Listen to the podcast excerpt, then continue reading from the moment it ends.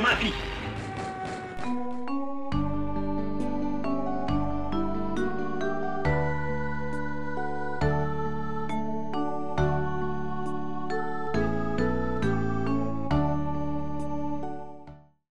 Halo, kembali lagi di podcast The Marvins Memory Lane bersama aku Alisa yang akan menemani kalian semua untuk beberapa menit ke depan. Oh iya, gimana nih kabarnya teman-teman? Semoga teman-teman semua tetap sehat ya dan juga tetap semangat untuk menjalani kesehariannya. Oke, mungkin teman-teman udah pada tahu kan, banyak sekali peristiwa di masa lalu yang kita kenang dan juga kita ingat sebagai bentuk perjuangan untuk merdeka dari penjajahan yang terjadi. Nah, di bulan ini tuh yaitu bulan Maret, ada loh salah satu peristiwa yang kita anggap sebagai heroik gitu, peristiwa heroik. Uh, dan teman-teman pada tahu gak sih terjadinya tanggal berapa? Hmm, yap, betul, tanggal 24 Maret. Nah, di tanggal 24 Maret itu ada apa sih? Kok bisa ya dikatain sebagai peristiwa heroik bersejarah? Nah, di tanggal 24 Maret itu terjadi suatu peristiwa yang kita sebut sebagai Bandung Lautan Api. Nah, bersamaan dengan itu juga nih, podcast kali ini tuh bakal ngebahas tentang Bandung Lautan Api. Sekaligus juga kita mengingat peristiwa bersejarah dan juga aksi heroik yang dilakukan oleh pejuang kita di zaman tersebut. Nah, awal mulanya peristiwa ini terjadi itu yaitu pada tanggal 12 Oktober 1945, beberapa bulan setelah proklamasi kemerdekaan Republik Indonesia, pasukan sekutu yang tergabung dalam AFNEI atau Allied Forces Netherlands East Indies yang berasal dari Inggris datang ke Indonesia usai memenangkan Perang Dunia II melawan Jepang. Tujuan kedatangan mereka itu untuk menguasai kembali wilayah Indonesia karena diboncengi oleh Nika dan mereka juga ingin menguasai wilayah Bandung dan menjadikan Bandung sebagai markas mereka. Selain itu, mereka juga ingin melucuti senjata dari pasukan Jepang yang tersisa di Bandung. Dan mereka juga ingin melepaskan para tahanan perang yang merupakan kawan mereka dan pada saat Jepang berkuasa, mereka itu dipenjara gitu. Nah, situasi mulai pecah nih saat orang-orang Belanda yang baru saja bebas dari kem tahanan mulai melakukan tindakan yang mengacaukan keamanan dan kedamaian karena mungkin mereka masih merasa memiliki kekuasaan di wilayah Bandung. Akibatnya, bentrokan antara tentara sekutu dengan TKR atau Tentara Keamanan Rakyat yang juga nama dari TNI pada masa itu tidak dapat dihindari. Pada malam tanggal 24 November 1945, TKR dan badan-badan perjuangan lainnya melancarkan serangan terhadap markas-markas sekutu di Bandung bagian utara, termasuk Hotel Homan dan juga Hotel Preanger yang menjadi markas besar sekutu. Tiga hari pasca penyerangan markas Kutu, Brigadir Jenderal McDonald menyampaikan ultimatum kepada Gubernur Jawa Barat agar segera mengosongkan wilayah Bandung Utara termasuk pasukan bersenjata selambat-lambatnya itu pukul 12 tanggal 29 November 1945. Dengan adanya ultimatum tersebut, sekutu membagi kota Bandung menjadi dua wilayah, yaitu wilayah utara sebagai kekuasaan mereka, sedangkan Bandung Selatan sebagai kekuasaan pemerintahan Republik Indonesia. Namun, para pejuang Indonesia itu tidak terima akan hal itu. Jadi, mereka menjawab ultimatum tersebut dengan mendirikan pos-pos gerilya di berbagai tempat. Kemudian, pada Desember 1945, terjadi beberapa pertempuran di berbagai tempat antara lain di Cihaur Gelis, Sukajadi, Pasir Kaliki, dan Viaduk.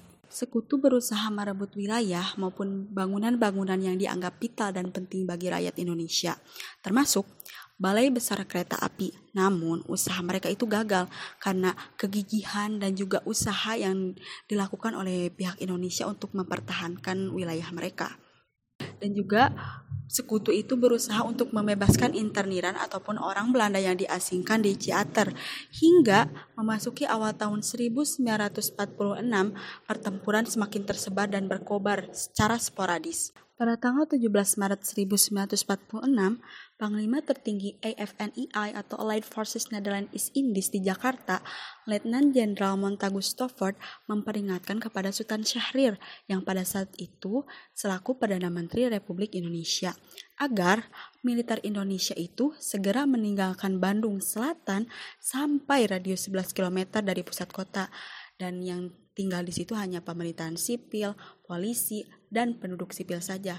Kan pada saat itu hanya Bandung Utara saja kan yang menjadi wilayah mereka, tapi mereka juga ingin menguasai Bandung Selatan.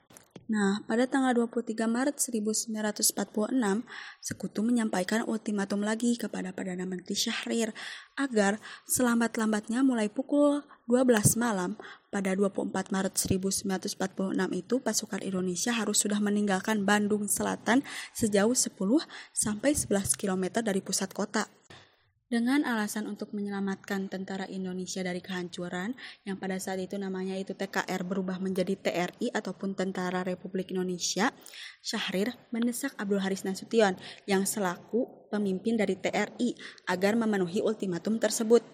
Karena Syahrir berpendapat bahwa TRI itu belum mampu menandingi kekuatan pasukan sekutu. Di hari yang sama, yaitu tanggal 23 Maret 1946, pihak Indonesia mengadakan pertemuan atau musyawarah untuk membahas ultimatum tersebut. Dan pertemuan atau musyawarah itu disebut sebagai MP3 atau MPP atau lebih jelasnya itu Majelis Persatuan Perjuangan Priangan. Dan pada musyawarah itu disepakatilah bahwa mereka akan membumi hanguskan atau membakar Bandung dan juga mengevakuasi rakyat dari kota Bandung.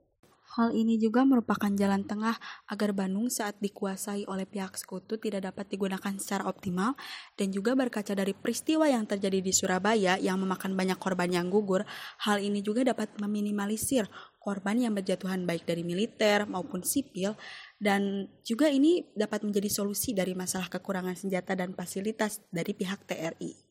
Kemudian pada malam tanggal 24 Maret 1946, mulai pukul 9, bumi Bandung mulai dihanguskan dengan meledakkan gedung bank rakyat, lalu disusul dengan pembakaran tempat seperti Bancai, Cicadas, Braga, dan Tegalega. Dengan berat hati dan demi terbebas dari penjajahan, rakyat beserta pasukan bersenjata akhirnya meninggalkan kota Bandung. Sejak peristiwa malam itu, tanggal 24 Maret 1946 kemudian dikenal dengan Bandung Lautan Api. Oh iya, berhubungan dengan tujuan tadi bahwa Indonesia tidak rela memberikan wilayahnya juga senjatanya secara penuh kepada pihak sekutu nih. Nah, gudang persenjataan TRI juga ikut diledakkan dengan dinamit dan dua orang pejuang yang bernama Muhammad Toha dan juga Muhammad Ramdan rela berkorban nyawa untuk hal itu. Lalu pasti penasaran kan, kenapa kok bisa disebut sebagai Bandung Lautan Api? Kenapa gak terbakarnya Bandung atau Bandung yang terbakar gitu?